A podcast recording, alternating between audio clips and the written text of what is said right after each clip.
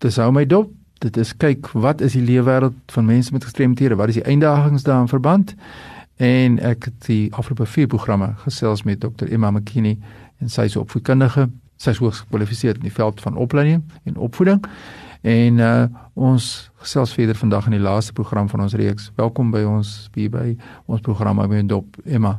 Thank you for having me. Emma, dis so lekker om jou te luister. Jy is my oë as jou rolmodel want jy kom na vore. Jy's bereid om te gesels. Jy's bereid om te praat. En ons het in die vorige programme wat ook as 'n reeks beskikbaar sal wees, hopelik op potgooi, gaan ons kyk daarna en ons kan weer na luister daarna. En uh ek wil met jou gesels oor die, die kwessie van disclosure mm. om na vore te kom. Maar ek sê altyd as ons nie genoeg inligting oor ons eie gestremdheid het nie.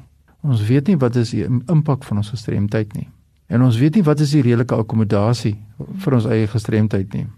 Dan gaan ons nooit disclose nie. Ons gaan nooit na vore kom en sê kyk ek is Fanie de Tooy, ek is gehoor gestremd of ek is doof.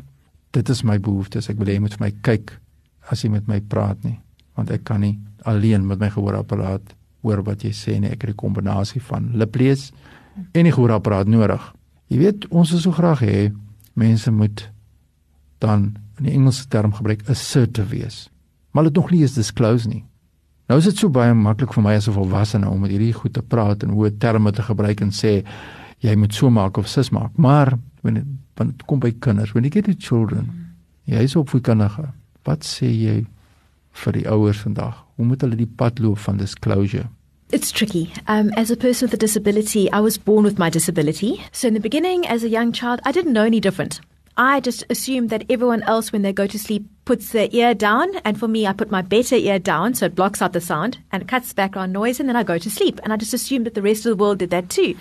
And then I started realizing, oh, no, that people are slightly different from me. And, oh, okay, so they don't turn their head every time someone walks in the room because I need to, to be able to orientate where sound comes from and lip reading. I need to make sure that I can see people at all time. So I started realizing that people do things in a different way than I do. And um, then as a teenager, became very embarrassed of my hearing disability. I pretended I didn't have a disabil- disability at all so, and when I started dating, I thought, oh, do I tell a boyfriend that I have a disability? Is he not going to laugh at me? Is he not going to want to go out with me because I have it? So I completely lost all confidence in myself, became very shy, and would go to a party and not have a clue what anyone was saying, and just nod and smile and go home and sob and cry. Yeah, because I just didn't want to be teased. I didn't want to be labeled as different. And I didn't want people overcompensating either and saying, oh, shame. So she's, she's got a hearing disability. Oh, we need to speak extra loud and shout at her and make a big thing about yeah. her. So for me, but then that's a normal teenager dynamics as well. But with a disability, it was really difficult for me until I got to a point of tired of going home, feeling exhausted and really sad and angry as well. Um, many emotions going through. But then how could I get cross with people for not accommodating my needs when I haven't told them what my needs are? And so it took me a long time to eventually say, listen, this is me. I'm okay with me.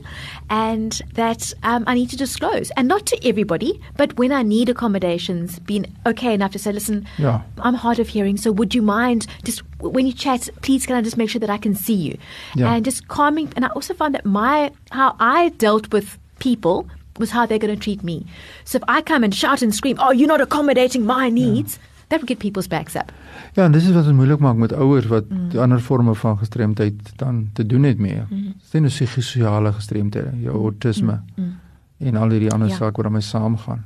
As ons kyk na neuro neurologiese mm. verlies en gestremdheid wat nie so bekend is nie. Ja. En ek terugkom na die begin van my gesprek is mm. ons moet dan strukture gebruik om 100% mm. op hoogte te kom, navorsing te doen. Ja. Ja. En nie noodwendig die internet te gebruik nie. Ja. Want al die inligting wat ons op internet is nie noodwendig altyd objektief yes. nie. Ja. So wat sou jy sê mm. ouers moet na organisasies gaan? Mm jy voel sterk daarvoor om daai ondersteuning ja. te kry dat hulle kan verstaan ja. wat is die impak, die ja. beperkings en die inperkings wat hulle kind het en dan kan sê goed, maar wat is die potensiaal? Ja. Wat hoe kan ja. ons daardie potensiaal maksimaal ja. ontwikkel? En ja. jy's ook ja. 'n mamma met 'n gestremdheid ja. self. Ja. Stem jy saam dat ons met daardie strukture Yes, and it is fine and finding a resource that that it's good and that is appropriate that's applicable to your child in your context as well. Absolutely. I mean, I know for me, my son's got Tourette's syndrome and he's got these little ticks. So sometimes it can be a word that he says over and over again, or that he has to touch the ground, or his shoulder comes up and down. He gets different ticks.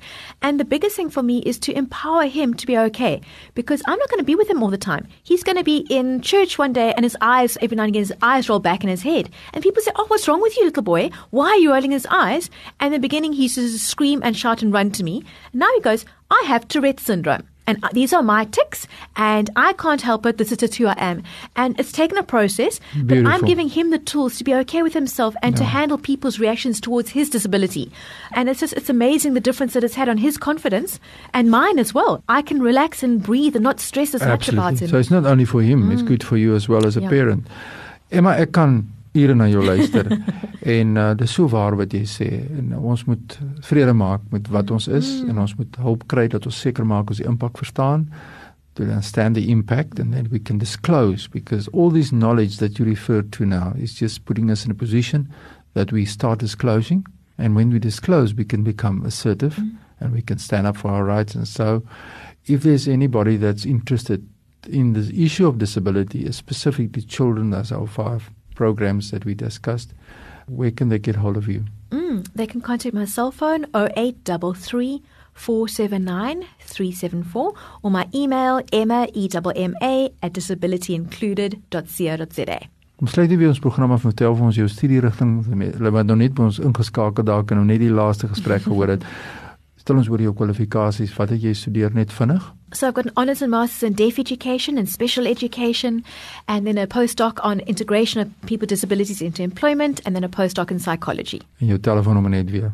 0833 479 374. Nou ja, as jy ouer is of iemand het wat jy ken wat kinders het met gestremthede of worstel met kwessie van aanvaarding van gestremdheid wat raad wil hê in die klassituasie wat raad wil hê waar begin ons soek waar kry ons inligting oor 'n spesifieke vorm van gestremdheid een van die vyf gestremthede ons het nou met haar gesels met Emma oor haar eie lewe wêreld as 'n persoon met gehoorverlies maar daar's vyf ander gestremthede maar die beginsels bly maar dieselfde. Die inligting wil hê oor gestremdheid Stuur 'n e-pos aan my ook by fani.dt@mweb.co.za. Ek sal seker maak dat die inligting by die regte persoon uitkom. Dankie dat saamgekyk het hierdie 5 programme met ons Emma.